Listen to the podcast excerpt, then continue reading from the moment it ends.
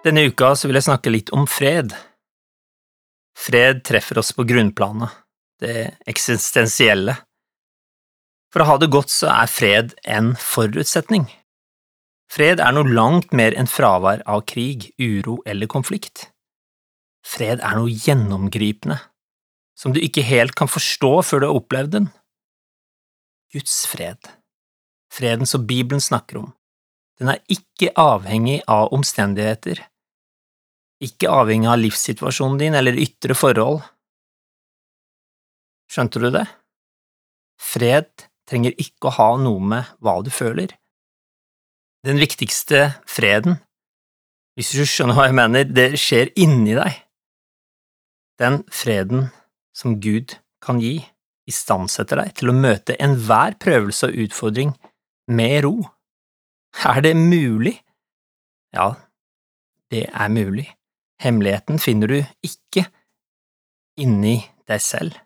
Kilden til fred finner du i Kristus. Hør hva han sier. Fred etterlater jeg dere.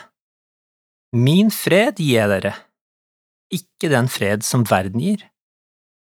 La ikke hjertet bli grepet av angst og motløshet.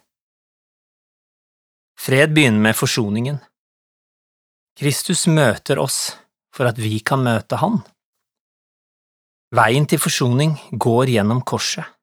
Der bryter skillene ned, der dør fiendskapen med at vi blir forsonet med fredsfyrsten og vi blir hans. Vi blir de som skal bringe fred på hans vegne. Vi skal tilgi og be om tilgivelse. Vi har fått forsoningens tjeneste. Så har kirkene våre ofte uttrykt det motsatte, partier og strid, splittelse og uenigheter, kirkepolitikk og egen agenda. Noen sier at kirkesplittelse er den største synd i dag. Jeg tror faktisk også det. Jeg vet ikke hva slags tjeneste du står i, om du er med i en menighet og er med og tjener der, jeg håper du er det, men det er ikke alle som har mulighet til det. Tjeneste kan bety arbeid eller noe nyttig du gjør for andre, selv om du kanskje ikke har mulighet til å ha en sånn tjeneste vi tradisjonelt forventer i en menighet, så kan alle ha en tjeneste. Nå skal du høre her. For vi har jo vennetjenester og førstegangstjenester og, og menighetstjenester, men du vil aldri få en viktigere og mer nyttig tjeneste enn den som handler om forsoningens tjeneste. Tilgivelse og fred, det hører sammen. Forsoning og fred er uatskillelige. Jeg nevnte at forsoningen begynner med korset. Skjønne hva Jesus har gjort. Jesus spør, eh, spør, ikke om vi har lyst på denne tjenesten, eller om vi vil være med på dette. Hvis du ønsker å være en kristen eller en etterfølger av ham, så er det en forutsetning. Tilgivelse og kristenliv kan ikke skilles fra hverandre. Hør hva Jesus sier i, i Markus kapittel 11, 25–26. Men når dere står og ber og har noe å anklage en annen for, så tilgi ham, for at deres Far i himmelen kan tilgi dere misgjerningene deres. Om dere ikke tilgir, skal heller ikke deres Far i himmelen tilgi deres misgjerninger. Jeg sier ikke at dette er enkelt. Det er det ingen som påstår, jeg sier heller ikke at dette går av seg selv. Det er til tider krevende og smertefullt. Hvordan kan man tilgi mennesker som en kan tenke har ødelagt livet, eller skadet eh, og såret deg, eller skadet og ødelagt for andre du bryr deg om? Hvordan kan man tilgi? Disiplene skjønte hva hemmeligheten til Jesus var. Det lå i samfunnet og fellesskapet han hadde med Gud. Derfor sier de til Jesus, lær oss å be. Og det Jesus svarer på den oppfordringen, det er det vi kjenner som Fader vår. Vår Far i himmelen, la navnet ditt helliges. La riket ditt komme. La viljen din skje på jorden som i himmelen. Gi oss i dag vårt daglige brød, og tilgi oss vår skyld, slik også vi tilgir våre skyldnere. Helt sentralt i vårt bønneliv kommer altså tilgivelse.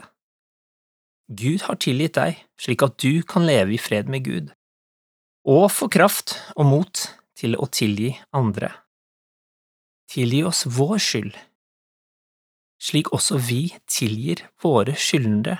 Jesus tar det som en selvfølge at vi tilgir de som skylder oss eller har gjort vondt mot oss, vi tilgir de.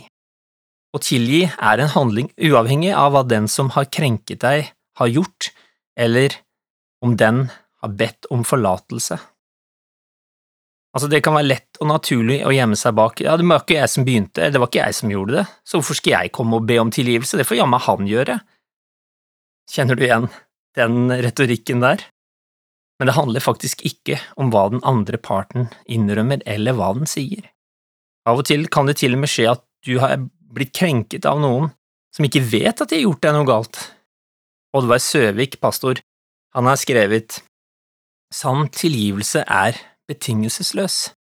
Den sier ikke jeg tilgir deg hvis. Tilgivelse har ikke i seg noen forhandling eller krav. Å tilgi setter deg fri, og det gir deg fred, selv om den andre parten ikke gjør noe som helst. Det handler ikke om at den som har såret deg, krenket deg eller skadet deg, fortjener tilgivelse. Det handler ikke om at den som har gjort deg vondt, ikke har gjort noe galt, eller at du prøver å feie det under teppet. Det ligger ikke på det planet. Jeg tror vi må løfte det opp på det nivået Jesus snakker om. Du er blitt tilgitt alt som du har stelt i stand, all synd, all selviskhet, egenrådighet, avgudsdyrkelse, alle krenkelser, alt du har sagt og gjort, det er tilgitt. Hvor stort er ikke det? Derfor skylder vi å tilgi andre fordi vi selv er blitt tilgitt, sier Skriften. Jesus viste med sitt liv hvordan en kan leve i tilgivelse. Han tok aldri hevn, ga aldri tilbake det de som krenket han hadde fortjent. Selv på korset, der Guds egen sønn hang til spott og spe, naken, latterliggjort. Han hadde blitt torturert, slått, og på korset blir han spotta, hadde funnet seg i all mulig krenkelse. Helt som en uskyldig mann og som Guds sønn, så sier han, tilgi dem. Selv der benytter han ikke den muligheten han hadde for hevn. Han kunne ha sendt dem til helvete eller sendt ild eller en annen hevngjerning mot dem eller til dem, men han sa tilgi dem, for de vet ikke hva de gjør. Hvem trenger du å tilgi?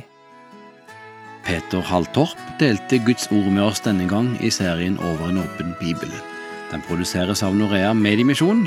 Du finner vårt rikholdige arkiv av andakter på norea.no.